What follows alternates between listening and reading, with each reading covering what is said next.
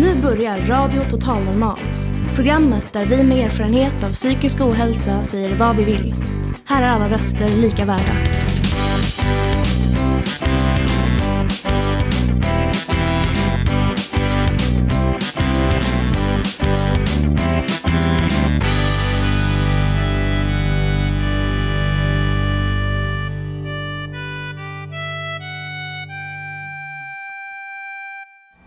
Hej och välkomna till Radio Total Normal, ditt psyke i eten. Ni hittar oss som vanligt på 101,1 MHz i Stockholms närradio. Den här veckan tar vi bland annat upp hur man hanterar sitt humör, till exempel när man kommer till arbetsplatsen. Är man till exempel riktigt låg och på dåligt humör kan man vara det utan att förpesta andras situation. Som sagt, hur bör man se åt för att hantera sin känsla utan att det går ut över andra? Och eh, utan att man måste hålla upp en fasad. Vi kollar även vilka som är bra och dåliga förlorare. Sandra Vilpala, som är en av våra radioartister, går språkutbildning och undersöker hur vi använder namn på olika diagnoser såsom bipolär och Asperger. Sen har vi även hälsat på hos Janne på stan som suttit hemma i karantän ett helt år. Vi bjuder även på poesi, filosofiska inlägg och härlig musik. Hjärtligt välkomna till dagens program. Jag som talar heter Lisa.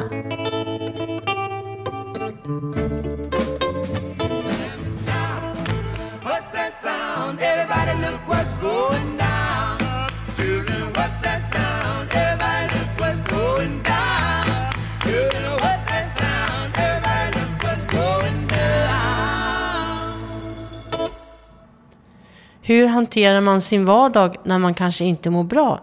Eller känner sig arg, tung, sorgsen, förbannad eller bara jädrigt sur? Hur tar man hand om det här bland människor utan att förpesta deras vardag? Ja, det är inte lätt, men här kanske ni kan få ett par tips. jag är som jag är. Frågar någon hur, hur mår du idag? Då frågar jag, ja, vill du veta? Eller, för att jag säger, säger som det är liksom kan vara väldigt ledsen ibland och det funkar inte att gråta väldigt mycket på min arbetsplats. Folk blir rädda och vet inte hur de ska hantera situationen. Jag ska inte nämna psykisk ohälsa. Det är inte populärt. Eh, jag tror att jag drar mig undan lite. Försöker inte visa så mycket. Jag tänker hela tiden så här när jag har en dålig dag. Syns det på mig? Märker folk utav det? Sannolikast så märks det inte alls. Men jag blir lite så här äh, självcentrerad och tänker lite på hur jag, vad jag säger, hur jag agerar och vad jag gör. Och jag tänker liksom att det blir annorlunda gentemot de andra när man har en dålig dag. Men alla har ju fullt upp att tänka på sig själva i olika situationer och vad de gör hela dagarna. Så att de märker ju nog inte av det. Man blir som sagt självcentrerad och tänker på det. Jag kan nog växla ner och gå åt sidan ett tag och vara för mig själv ett tag om jag känner så. Men eh, så fort jag umgås med folk så lättar det faktiskt.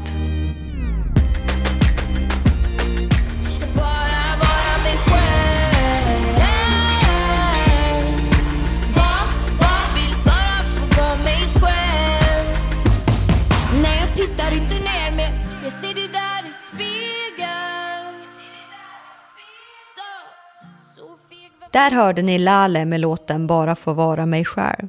Och reporter i inslaget innan var Agnes Indra Andersdotter. Hon är praktikant hos oss och ska vara med i två månader.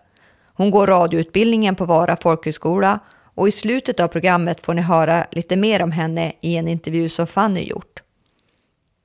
Lilian som varit reporter och programledare många gånger hos oss sitter just nu hemma i karantän. Därifrån gör hon sina reportage. Idag har hon liksom vi funderat på det där med hur man hanterar humöret i såväl vardagslivet som i spel.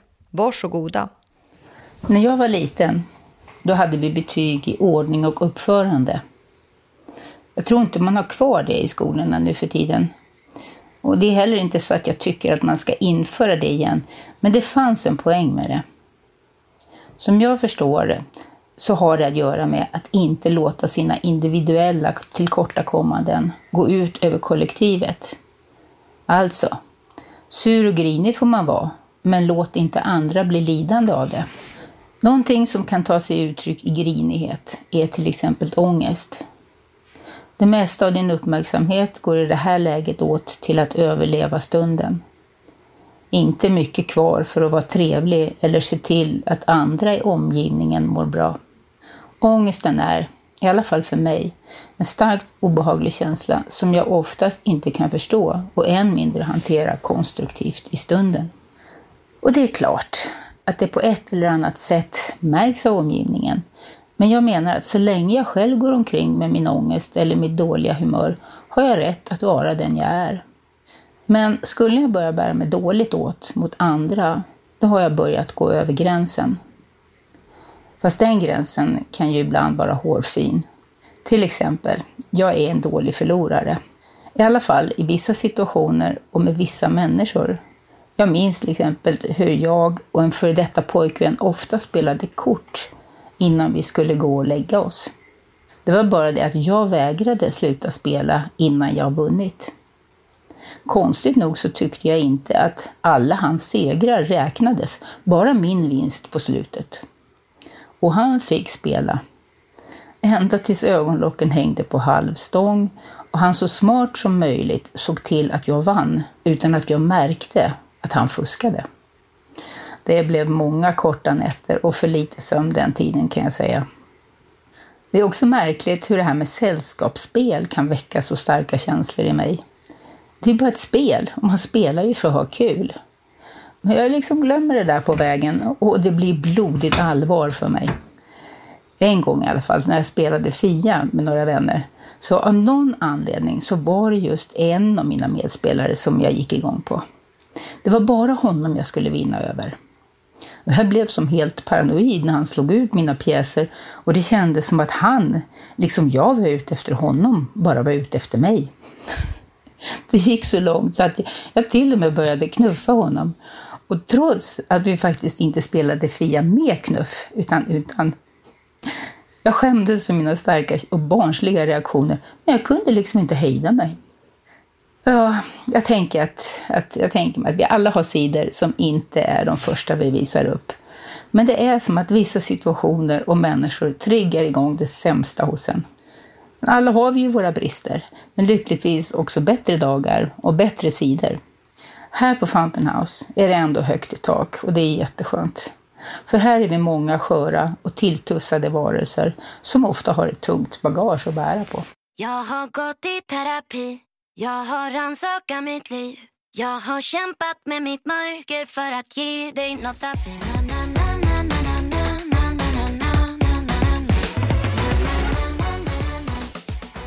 Ni hörde Miss Li med låten Terapi.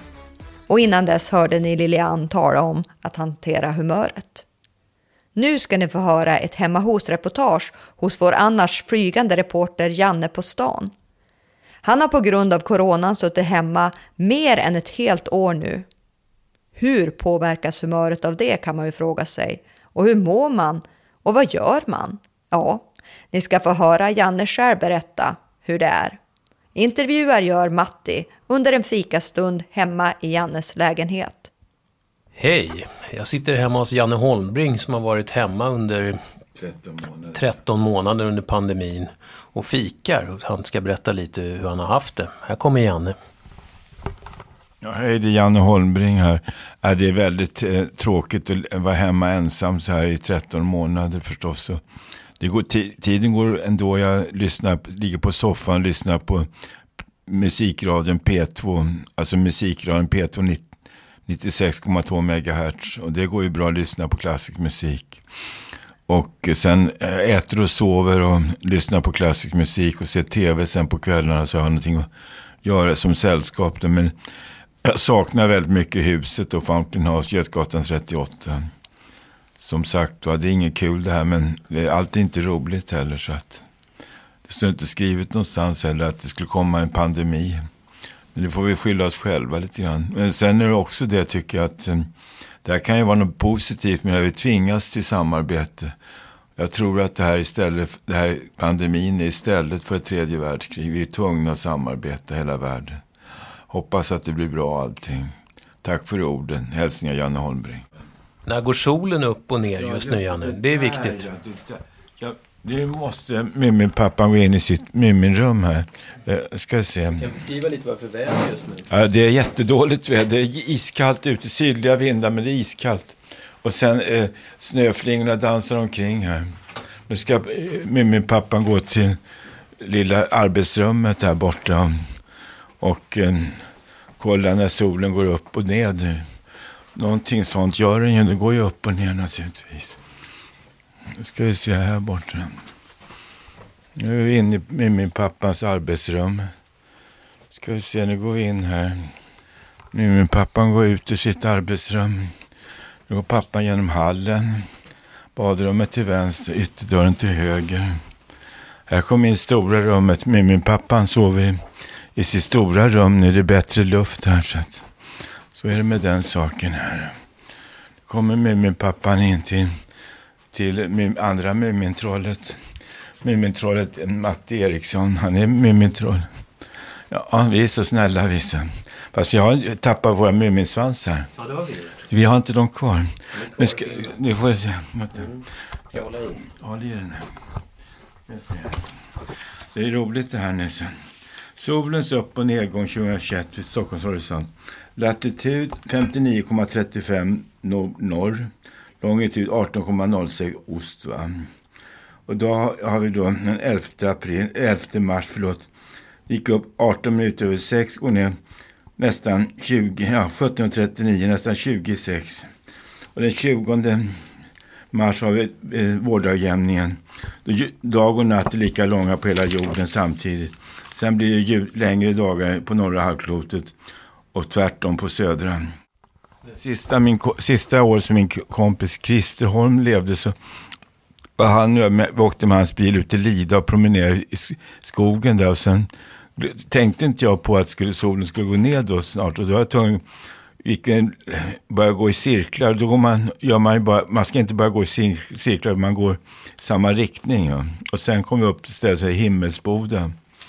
Vackert namn. Och så fick vi skjuts från dem med deras bil till, till porten då till Lidas parkering till, vid Lida gård. Då. Alltså, åkte vi hem sen. Som sagt var, man ska bra veta när solen går ned åtminstone när man är ute i skogen. För det finns inga lampor ute i skogen precis. Det är bra att veta då, solens upp och nedgång. Romarrikets uppgång och fall. Och eh, alla, alla välden som har gått sönder. Du hade bakat jättegoda Jag, kanelbullar. jag bakar jättegoda kanelbullar. Vad var det för recept? Ja, det, det, det finns i ba, stora boken om bakning. Det ligger till vänster, hö, höger om dig där. När du kommer tillbaks till Fountain House så småningom, vad längtar du mest efter att göra? Och jag längtar jättemycket efter La Vaisselle Dyr. La Vaisselle Dyr. Eh, eh, eh, Le la Jag längtar efter den hårda diskningen. Det vill säga grovdiskningen och tömma sopor. Jag älskar att grovdiska och tömma sopor. Det är jättefin, fina, fin, fina jobbet som måste göras. Om det inte görs så går det åt skogen. Då kommer vi få en invasion av skadedjur. Annars, det vill vi inte ha. Hej så länge, tack. Vi brukar prata med varandra, ringa vänner. Du ringer oss och vi ringer till dig, Janne. Vad, vad betyder det? Ja, det betyder som psykisk livlina kan man väl säga. Då. Psykisk livlina. Så att man har någon kontakt med omgivningen då. då. Så att, annars är det den här lägenheten. Och jag, jag känner inte att jag, jag, jag känner att jag bor ensam här. Och det är skönt att bo ensam tycker man. Råda, rå sig själv och sen att man badrummet för sig själv, för, för mig själv och sen köket och slippa, del, slippa vara rädd om sina grejer så att ingen går och stjäl och plockar på sig. Som de har gjort på sjukhus. Jag blir av med allting på sjukhus. Kläder, skor, plånbok. Nä, nästan allting har de norpat från. från men det så äger ju inte rum här när jag bor ensam. Det, då får de slå sönder dörren också. Men då, det är en säkerhetsdörr jag har så det är inte kunna slå sönder den i första laget. Ja, det var det jag skulle säga då. Du brukar använda Facetime, tycker du det är en bra funktion när man är, har svårt att träffa folk eh, fysiskt? Ja, det, det är en jättefin funktion och, och man kan facetima varandra. Facebook tycker jag inte om för det, där kan man få kompisar till kompisar till kompisar som, som man inte vet vad det är för folk. Alltså jag vill ju gärna veta vem det är man umgås med, man pratar med. Liksom. Du ser ju det på Facetime. Ja, jag vet, men jag vill inte, vill inte om. Jag tycker inte fa- fa- Facetime är bra, men Facebook gillar inte jag. Man ska inte lämna ut några kontonummer eller koder och sånt där. Vad ska man ha det för? Det verkar ju konstigt. Jag bor, mår bra här, jag bor bra här så att eh, till våren här ska jag ta bort röda mattan i vardagsrummet och Eh, städa under den. För det, konstigt nog så blir det damm under mattor och det är lite märkligt. Så att det hjälper min boendes, eller personligt ombud hjälper mig med det. Så att. Du brukar spela in för radion och du brukar vara Janne på stan och intervjua folk när du är inne i, hjälper till i radion och jobbar. Vad skulle du vilja ställa för fråga om du fick göra det idag? Jag ska fråga så här, eh, psykiatrin då, eh, öppenvårdspsykiatrin i första rummet då, eh, som borde vara mer aktiva för att hjälpa folk som inte kommer ut från sina lägenheter på grund av covid-19 då, då, pandemin. Men det är inte en enskild människa du pratar om utan eh, om vi säger generellt sett då att man borde få bli vaccinerad i första rummet för så att man slipper lida så mycket psykiskt då. Vara isolerad i sitt hem och liksom inte ha, inte har någon, så, man träffar inte en människa utan det här Facetime då, då men eh, klart man kan överleva rent kropp, biologiskt kan man överleva men att mentalt så blir man nedgången av det här. Jag, jag tycker de, borde de förstå, de som har jobbat med psykiatrin kanske 20-30 år minst, alltså de borde ju kunna fatta att patienten borde komma i första rummet när det gäller psykiatrin och vaccination alltså och då framförallt då, om man har den här psykiska sjukdomen, schizofreni som jag har, att det, då borde man ju faktiskt komma i första rummet för att det, det gör att man mår inte bra. Och det är inte bra för samhället heller då. Så att det kostar miljardtals kronor det här. Eh, att, eh, så att det är inte bara de som blir av med jobb och så, utan det finns ju folk som varken har jobb eller någonting. Och, och, och träffar inte andra människor om de inte får träffas då på träfflokaler som Fountain House. Och så har man lagt ner stigen också i Skogås, det är skamligt. Och Huddinge kommun. För att det, det var en träffpunkt för de som bodde där borta. Nu ska de väl tvingas åka 15-20 kilometer till centrala Huddinge och till aktivitetshuset. Så lägger man ner befintliga so- saker som fungerar då. Ungdomskliniken på Långbro sjukhus, det är skamligt att den har rivits. Och sen bygger man bostäder där. Och jag tycker man skulle öppna alla de här husen, stora mans och stora kvinns. Så bostadslösa kan bo där tycker jag. Det är befintliga lokaler med uppvärmning och vatten och allt, avlopp. Där borde bostadslösa få bo tycker jag i alla fall. Tack för ordet.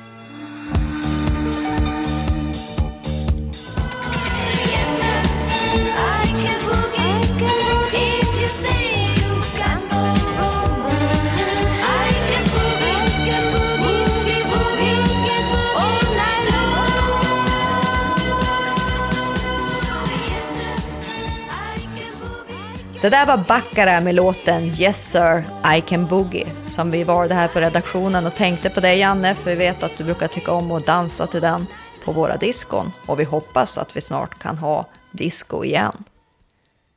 Sandra Vilpala har gästat oss med sina sånger många gånger. Hon driver själv en podd som heter Psykbryt där hon och kollegan Mattias talar om den egna psykiska hälsan. Just nu går Sandra språkkonsultprogrammet på Stockholms universitet och genom den undersöker hon hur vi egentligen använder oss av benämningarna bipolär och Asperger. Hur den här undersökningen går till och varför Sandra vill göra den får hon berätta själv. Hallå, hallå.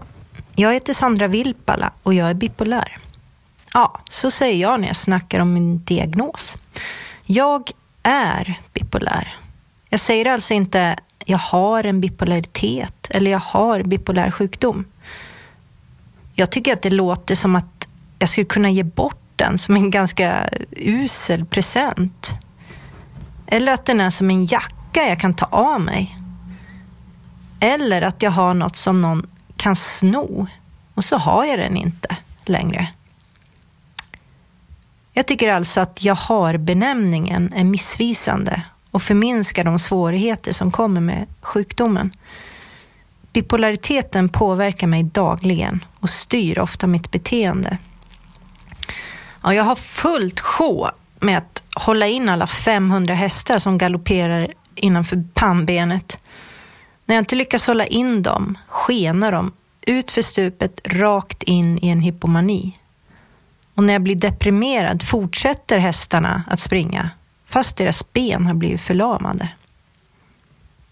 Ja, ungefär så. Det går inte att skilja på vad som är jag och vad som är sjukdomen. Vi två sitter där i samma båt, på gott och på ont. Därför säger jag att jag är bipolär. Sjukdomen är en del av min identitet, precis som konstnär, homosexuell, språkvetare och mamma är en del av min identitet. Men samtidigt, jag går ju inte runt och skyller på min sjukdom när det blir lite, ja, galet. Nej, ansvar över mitt beteende har jag såklart. Men sjukdomen är en förklaring och främst är det en förklaring inför mig själv. Den är ett svar på den ständigt återkommande frågan. Varför gjorde jag så? Ja, men nu tänker ju givetvis inte alla som jag. Så är det ju såklart. Och då undrar jag, hur tänker du? Det vill jag verkligen veta. Jag ska ta reda på det. Det är precis vad jag ska göra. Jag ska undersöka just det här med personbenämningar. Och hur jag ska göra det, det ska jag snart berätta. Men först tar vi lite bakgrund. Jag tar snart examen från språkkonsultprogrammet på Stockholms universitet. Där har jag under tre år vridit och vänt på svenska språket in i minsta detalj. Och av allt jag har lärt mig om språket så är det här det allra viktigaste. Språket speglar inte bara vår verklighet. Språket skapar även vår verklighet. Det betyder att vi alla är med och konstruerar vår världsbild med hjälp av språket. Och det gör vi precis varje dag. För ett ord är aldrig bara ett ord. Ord kommer alltid med önskade och oönskade bibetydelser. Ord kan exkludera, nedvärdera, ta ifrån oss makten men också tvärtom. Inkludera, respektera, ge oss makt. Därför är kampen om orden, hur vi benämner saker och ting, absolut superviktig. Men hur kan ord göra skillnad då? Ja, men ta till exempel benämningarna idiot, CP och efterbliven. Vad gör de med självbilden och identitetsskapandet? Eftersom vi numera vet att de benämningarna är djupt diskriminerande är det nog få som använder ordet efterbliven om människor med intellektuell funktionsnedsättning. Och det är ju så att i förlängningen handlar det här om demokratiska och mänskliga rättigheter. Det vill säga allas lika värde och allas vår rätt att existera på samma villkor. Det finns en massa antagande, men väldigt lite forskning om vilka personbenämningar som är bäst. Och de här antaganden kommer främst, ja, så att säga, uppifrån. Eh, ja, till exempel myndigheter och läkare. Och det betyder att de som benämningarna gäller inte har fått komma till tals. Och det är alltså exakt det här som jag vill ändra på med min undersökning. Med hjälp av en enkät ska jag ta reda på hur folk med autism slash Asperger, numera ASD och bipolär diagnos, deras anhöriga och de som jobbar med autism, Asperger och bipolär diagnos, hur de kommunicerar om diagnoserna. Nu kanske du undrar varför jag bara undersöker benämningar som gäller bipolär sjukdom och ASD-diagnoser. Skiter jag i alla andra? Nej, anledningen är faktiskt enkel. De nämnda diagnoserna följer samma språkliga mönster. Vi kan ju säga jag är bipolär och jag är autist. Men det är väl ingen som säger jag är ADHD-are eller tourettare. Det har i alla fall jag aldrig hört. Så för att jag ska kunna göra en språklig jämförelse så behövs den avgränsningen. Så hörni, nu vill jag ha in så många åsikter som det bara går så att vi kan bidra till forskningen. Fyll i min enkät. Gör det bara. Du hittar den på Radio Total Normals Facebook-sida. Så kom igen och gör din röst hörd. Upp till kamp om orden. Tillsammans gör vi skillnad. Okej, vi säger så. Mitt namn är alltså Sandra Vilpala och jag tackar för mig. Over and out. Svarta moln och åskan går Det hänger tårar i luften Det hänger tårar i luften Försöker läsa dig Men ser inte vad som står Det hänger tårar i luften det hänger tårar i luften. Förstår att du är ledsen. Att jag inte klarar stressen. Jag vill att någon ger dig världen. Någon som ser att du är värden Jag stänger in mig i gammalt. Hittar inte ut. Tro mig jag försöker. Allt jag kan, jag är faktiskt helt slut.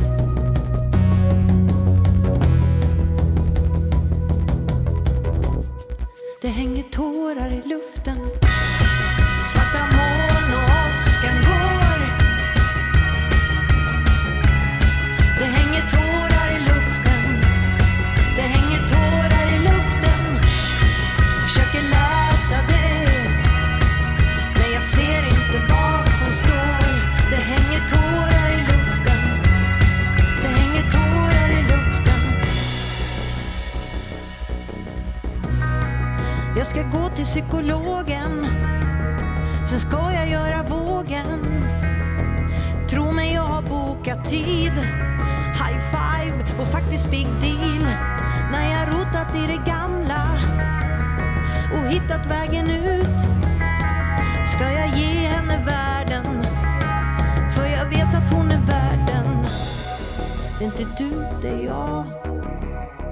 Det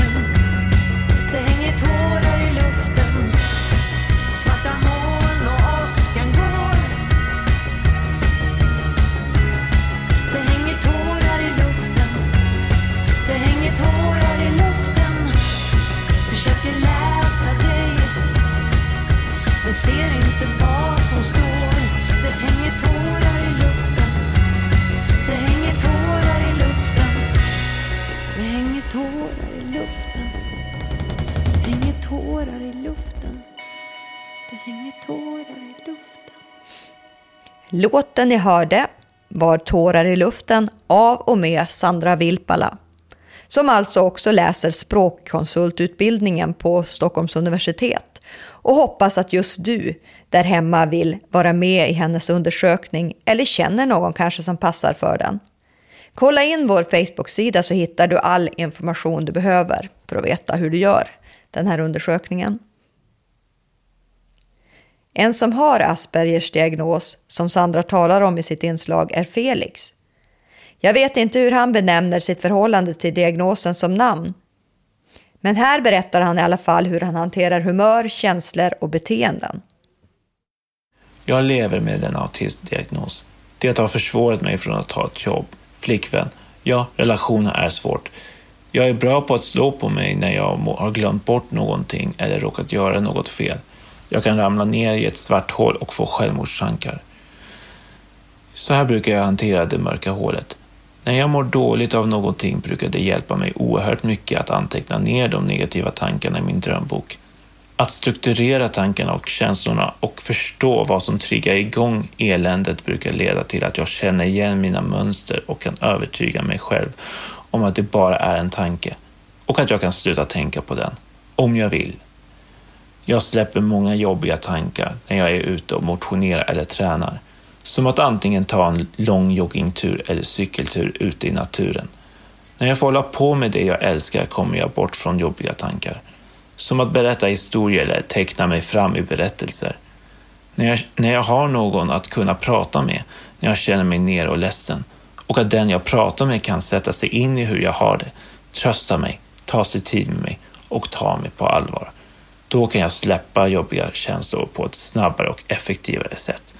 Jag har en coach som visar mig om hur jag ska göra för att hantera negativa känslor på bästa sätt. Hon är till en stor hjälp för mig till vardags. Jag är lycklig över att ha henne som hjälp. Jag har märkt att när jag använder mina jobbiga känslor på ett konstruktivt sätt så har det hjälpt mig fantastiskt mycket med att bli av med dem. Jag har animerat en film om hur det känns att inte ha en partner för mig. Filmen heter Being a Dog. Efter att ha gjort filmen fastnade jag inte lika länge i känslor om utanförskap och att inte ha en partner. Det känns lättare nu. Tack vare mitt sätt att använda min kreativitet på har det hjälpt mig att släppa de jobbiga känslorna inom mig och jag börjar se vad som är positivt i mitt liv. Oftast är det saker som jag lätt glömmer bort. Genom att påminna mig själv om det goda i mitt liv mår jag bra igen. Exempel på det goda i mitt liv. Jag är en väldigt kreativ person som vill beröra folk runt omkring med historier som inte har hörts som förut. Att jag har en enorm vilja till saker här i livet som gör att jag får ett stort driv till att föra mig framåt. Att jag har drömmar som jag vill hålla fast till och aldrig släppa taget oavsett hur svårt det än kan vara. Jag har mer och mer börjat tänka att vara annorlunda på ett bra sätt kan vara bättre än till exempel att vara vanlig och inte förstå vilken gåva det är. Många vanliga förstår inte vad de har. Att vara annorlunda på ett bra sätt har fått mig att kunna må bra ibland med. När jag får känslan av att bidra med något eller när jag får möjlighet att dela saker med andra får det också mig att må bra. Jag är så glad att jag har Radio Total Normal som jag kan vända mig till för att kunna kommunicera med andra och dela med mig av mig själv på bästa sätt. Vad är det som får er att må bra när ni mår dåligt?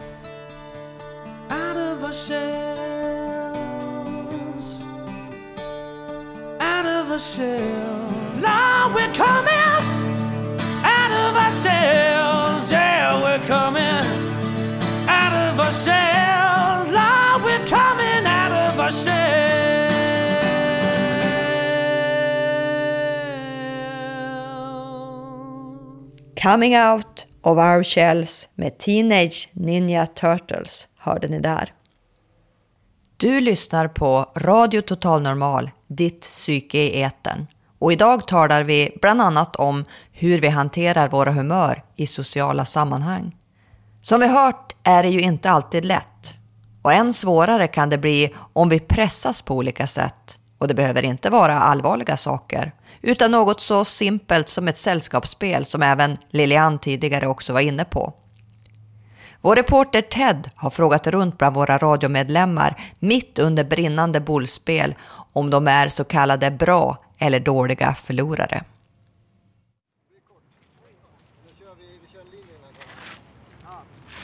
Min bror, jag kommer ihåg en gång när vi spelade Risk när vi var barn. Så, så, mitt i spelet så bara smäller han ihop, smäller han ihop det där brevet och så sa men det var slut så.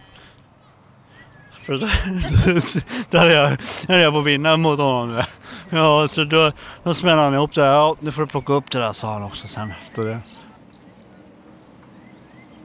Egentligen är jag inte så jätte, jättedålig förlorare men ibland så uh, om, om man vet att man bör vinna liksom, så, så, så, så, så, då är det en jävla otur att man förlorar och det är inte helt okej jämt.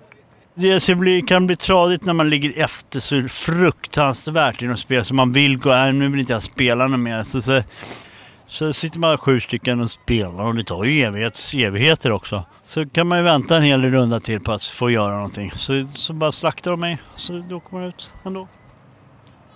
Men då får man tänka, jag är glad, jag är tur, jag är glad för din skull att du har en sån jävla bondröta och sådär. Så det kan man ju förlika sig med att det kan ju finnas folk med tur också när man spelar. Men det kan man inte hela tiden mota sig mot.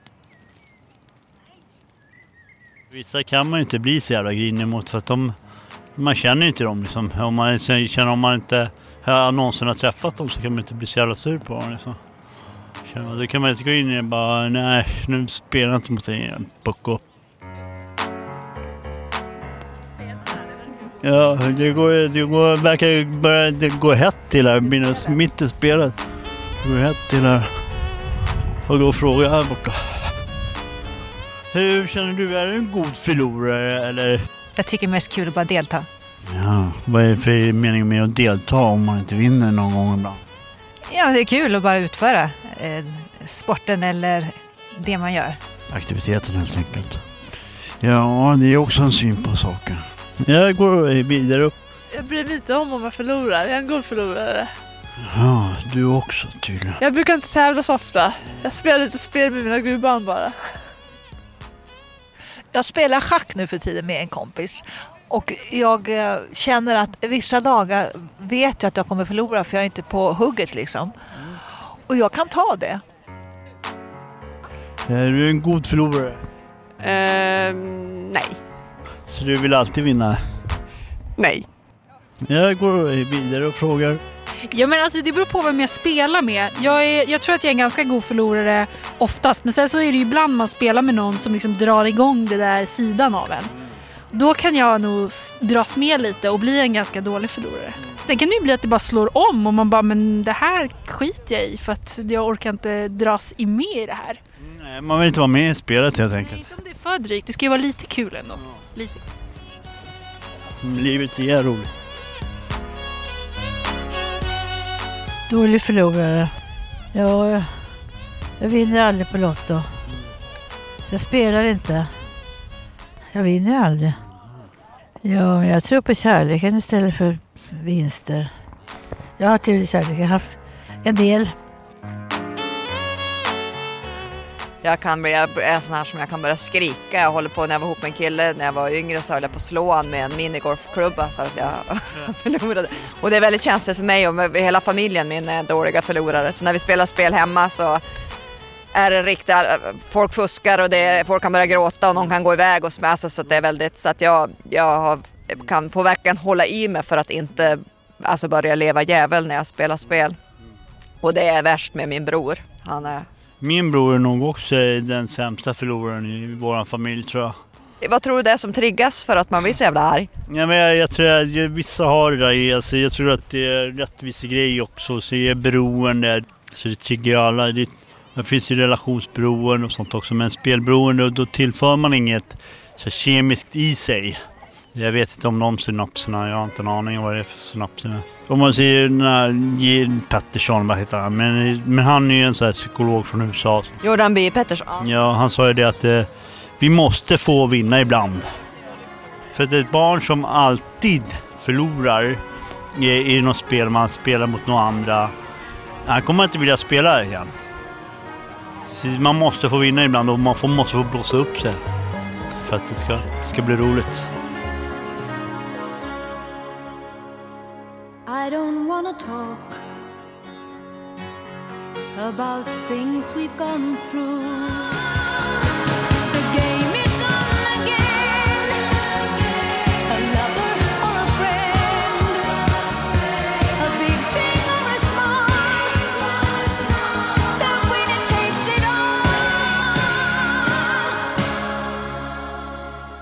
Ja, The Winner Takes It All sjöng ABBA där. Och innan dess frågade Ted om dåliga förlorare. Nu ska vi tala om en tävling som faktiskt inte har några förlorare, utan där alla som deltar är vinnare, nämligen Ångestloppet. Varje år den 23 mars anordnar Fountain House Stockholm det så kallade Ångestloppet.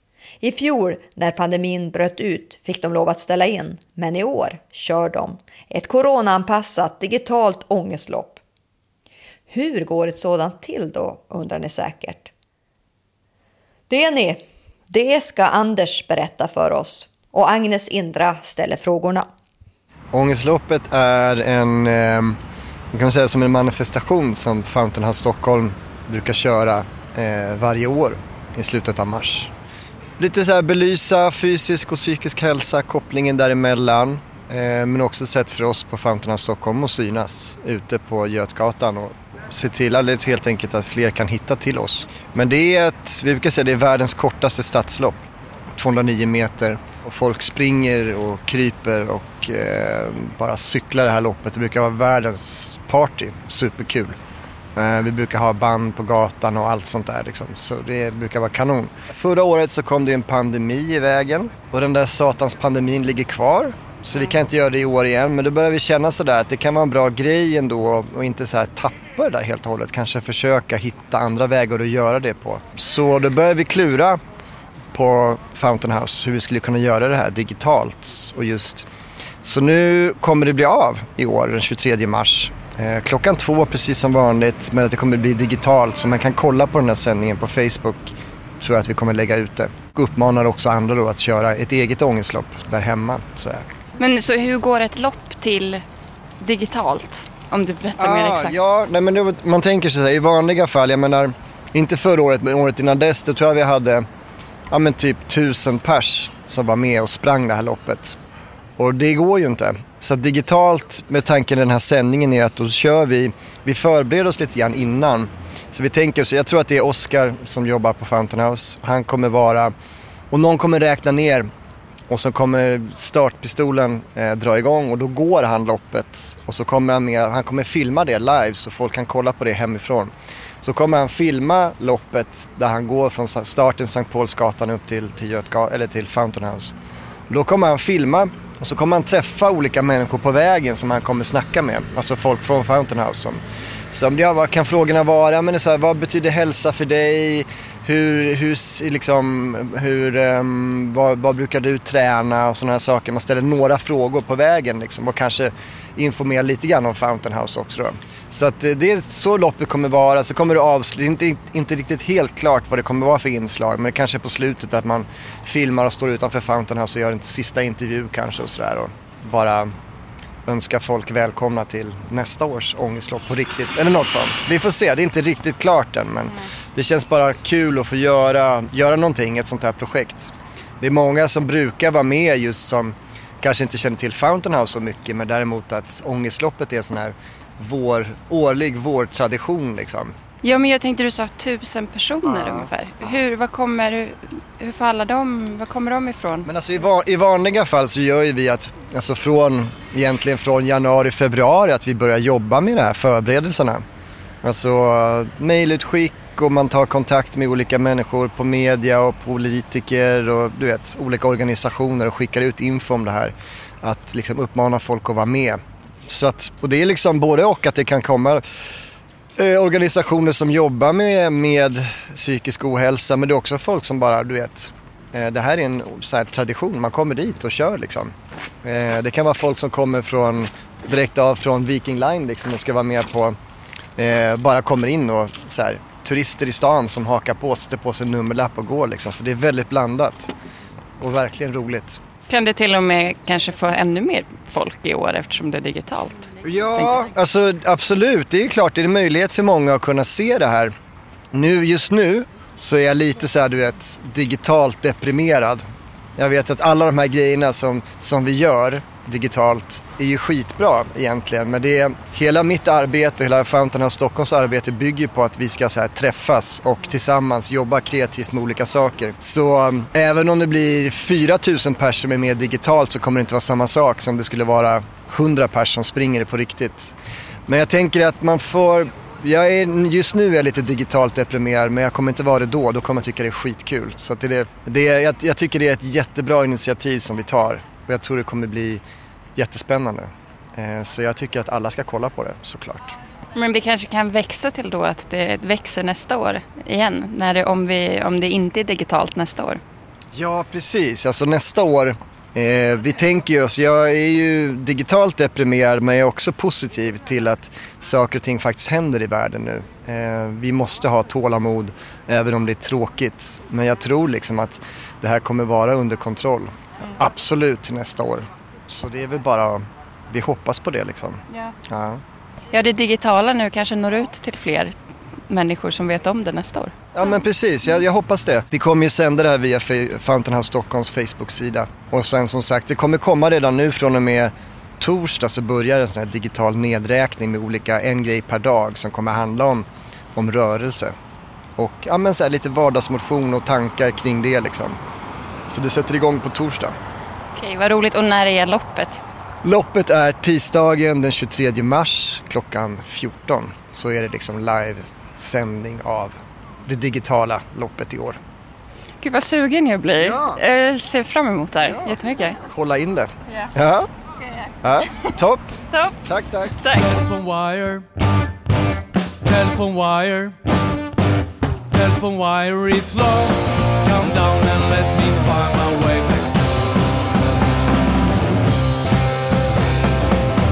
Signal.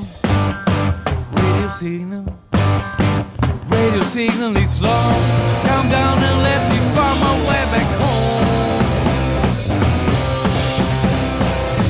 TV cable.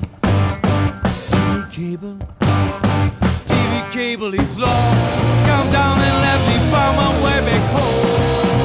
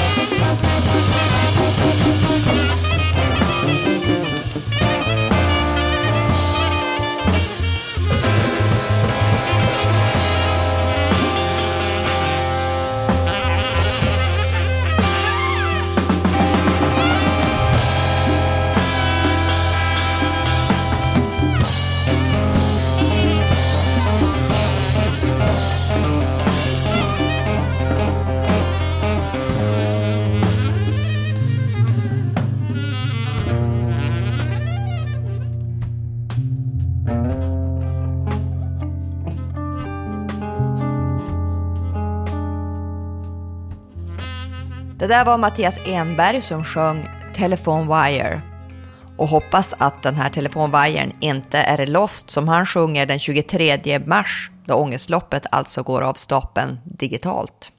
Nu till någonting helt annat, nämligen poesi. Den är skriven av Karin Lundgren och uppläst av Ebba Cecilia. Agnes håller i mikrofonen även här. Jag heter Ebba Cecilia Malmsten som är medlem av Fountain House en gång tillbaka. Och jag tänker läsa en dikt av Karin Lundgren som är annan medlem. Vad är det för känsla du får av den här? Ja, det är en skräckkänsla tycker jag. Att, eh, ja, det är att man ligger ensam och man är rädd att det ska komma in och så skräck. Men sen slutar det att liksom helt i dur, om man säger moll och dur, att det liksom välkomnar alla. Men jag tycker den är väldigt fyndig.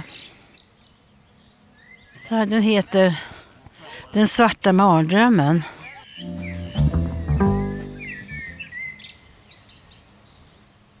Natt, natt, orosnatt. Vem kommer i natt mot min vilja? Vem vandrar i natt genom stängda dörrar? Genom golv och tak, genom märg och ben, genom själens vrår. Natt, natt, orosnatt. Vem flämtar i natt? Dörren låser upp sig själv. Den vrider sig ur sin hårda karm. Öppnar sig vid och släpper in vem som helst. Natt, natt, orosnatt. Rösterna viskar. Det fladdrade skratt genom rummet. Ur glipande väggar och vidöppna tak väller fnittrande flickor och välklädda män. Natt, natt, orosnatt. Min vilja är stum. Jag har inga ljud. Trots huvudets slag mot drömmens kant. Jag slits hastigt tillbaka igen när sömnen kopplar sitt hårda grepp. Natt, natt, orosnatt. Smygande steg.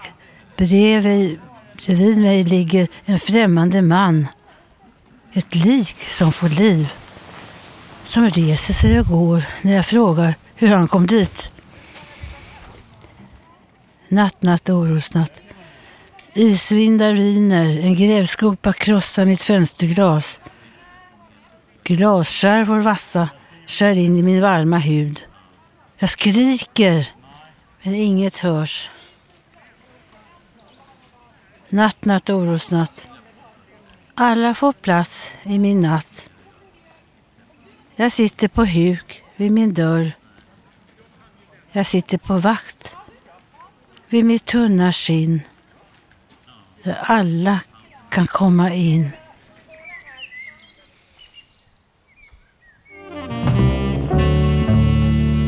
Det är som en film.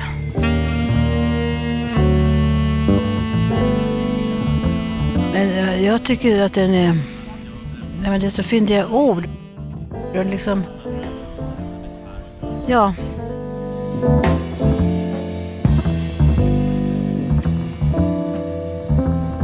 Jag tycker om att läsa. Det är så dikter. De har sagt att jag läser bra.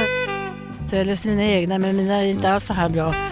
Och om att läsa de här orden och rimmet och sätta ord, läsa högt, få uttrycka sig. Så det, jag tycker jättemycket om det. Att det är liksom lite skärrigt och det är glasskärvor mot sin dumma, dumma, tunna hud, varma hud. Och, ja, det, är, det känns bra att få läsa upp sådana här ord. Det ger bilder. Ja, det gör det. Tack för att du läste den.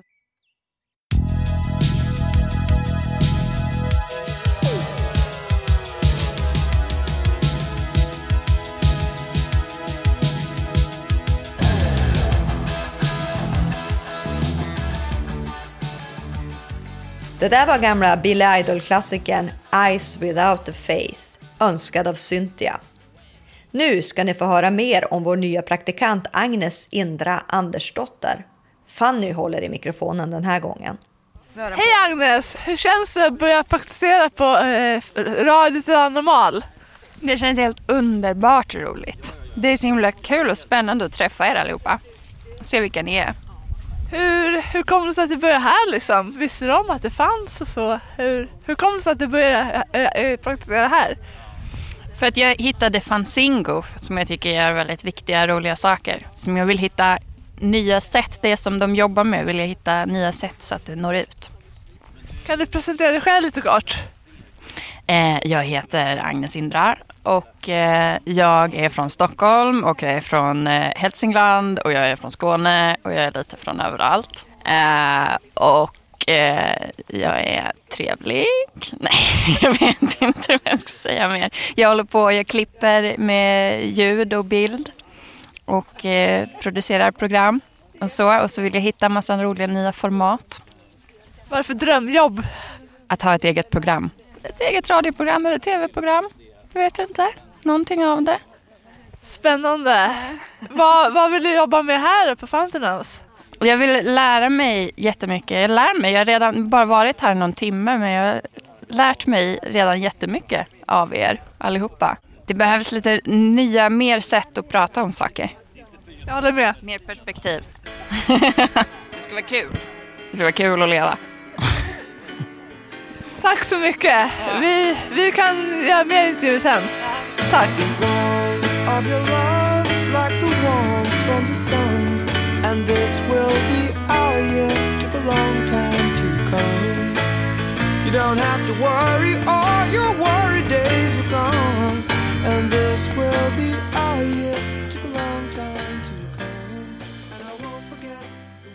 Vår bokrecensent Ann-Sofie har denna vecka läst en bok om Charlotte Perrelli som ni strax ska få höra.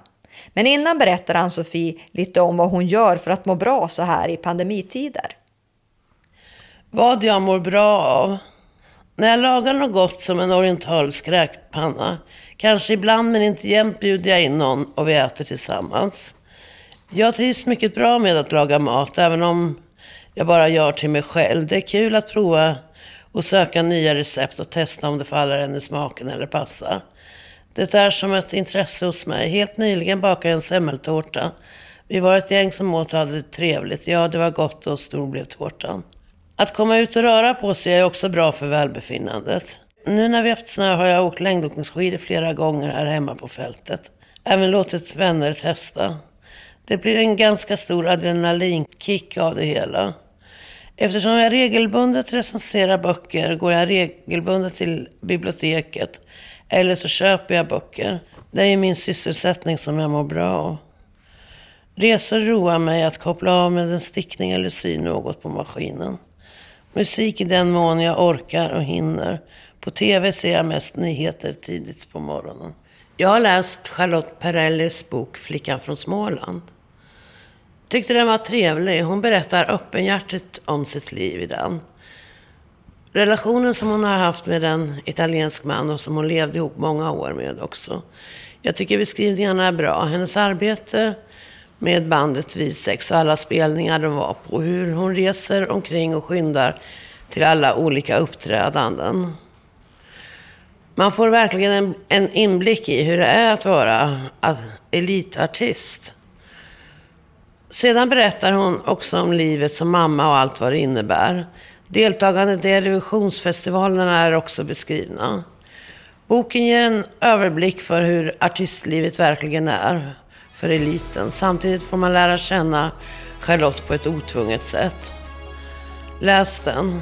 Detta är berättat för Leif Eriksson och Martin Svensson. Det är flera författare till boken. It's never too late.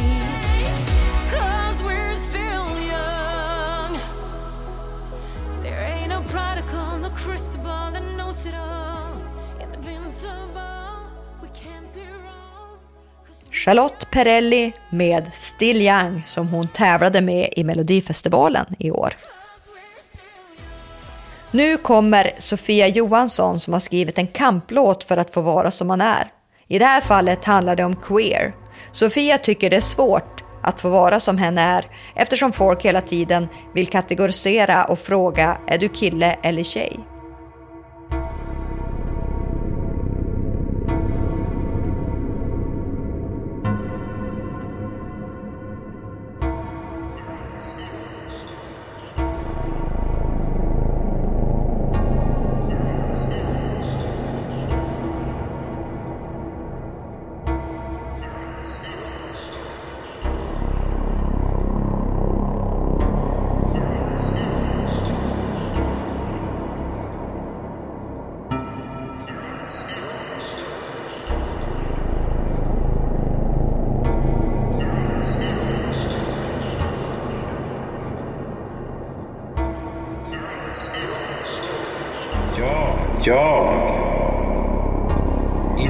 Identifierar mig inte med män. Jag tycker inte om när jag beter mig som en man. Och jag har inte manliga vänner. vänner.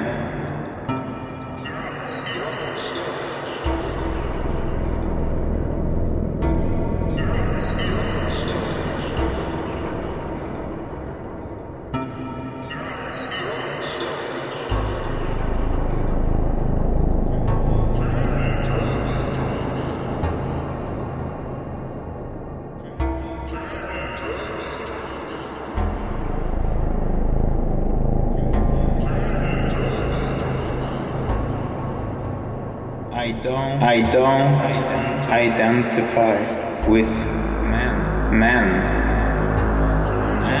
and I don't like when I behave like a man, and I don't have male friends.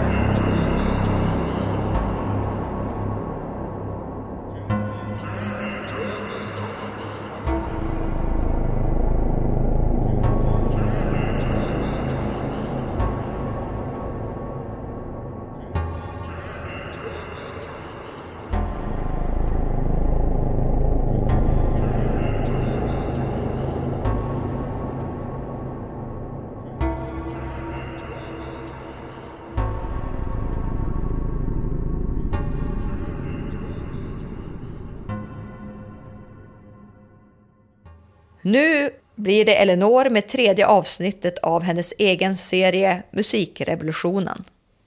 Vilka låtar bultar ditt hjärta extra mycket för? I tredje delen av populärmusikrevolutionen har jag undersökt det. Vem ringer alltid när det krisar eller behöver allmänt stöd? Birgit. Det kan till och med vara så att jag behöver klaga av mig och det händer ofta. Vem lyssnar och klagar aldrig själv? Vilken enorm stöttepelare du är för mig, Birgit. När jag mår som sämst, eller när som, då finns du där för mig. I alla väderlekar, lika som storm, då nordanvinden i mitt psyke viner som mest. Tack för det. Därför vill jag nominera en låt till dig. If not for you med George Harrison. För vad skulle jag vara utan dig? Det vette fåglarna.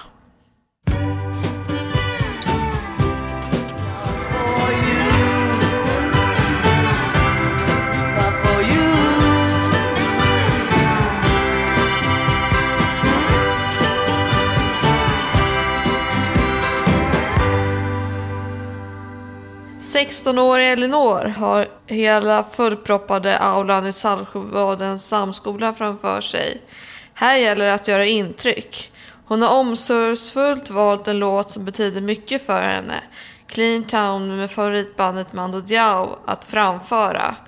Varför denna låt? Av alla låtar kan man fråga sig. Jo, som Mando Diao sjunger att Borlänge inte är så cleant ställe att vara i så har Elinor bestämt sig för att på samma vis ge uttryck för att Saltsjöbaden inte är så värst cleant ställe heller med vad allt det kan innebära. Här gäller det att stå upp för sig själv och se väldigt moderata människor i ögonen. Detta framförande är jag väldigt stolt över än idag på grund av min identitet och uttryckssätt. Avslutningen av numret. Två V-tecken i bugande gestalt. Detta gjorde jag för mig själv, men också för att sätta de andra på plats.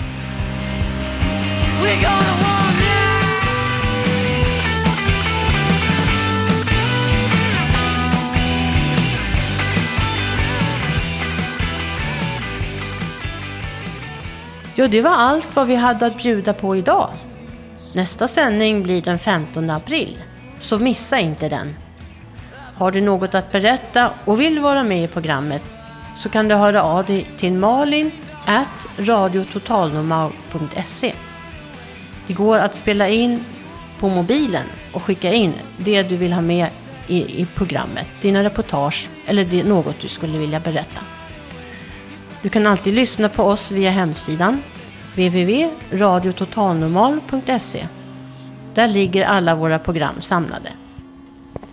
Du kan också hitta oss på Facebook, Twitter, Instagram och där poddar finns. Radio Total Normal drivs av mediehuset Fanzingo med stöd från Fountain House, Socialstyrelsen och ABF. Tekniker idag var Johan Hörnqvist, producent var Malin Jakobsson, praktikant Agnes Indra Andersdotter och jag som pratade idag heter Lisa. På återhörande.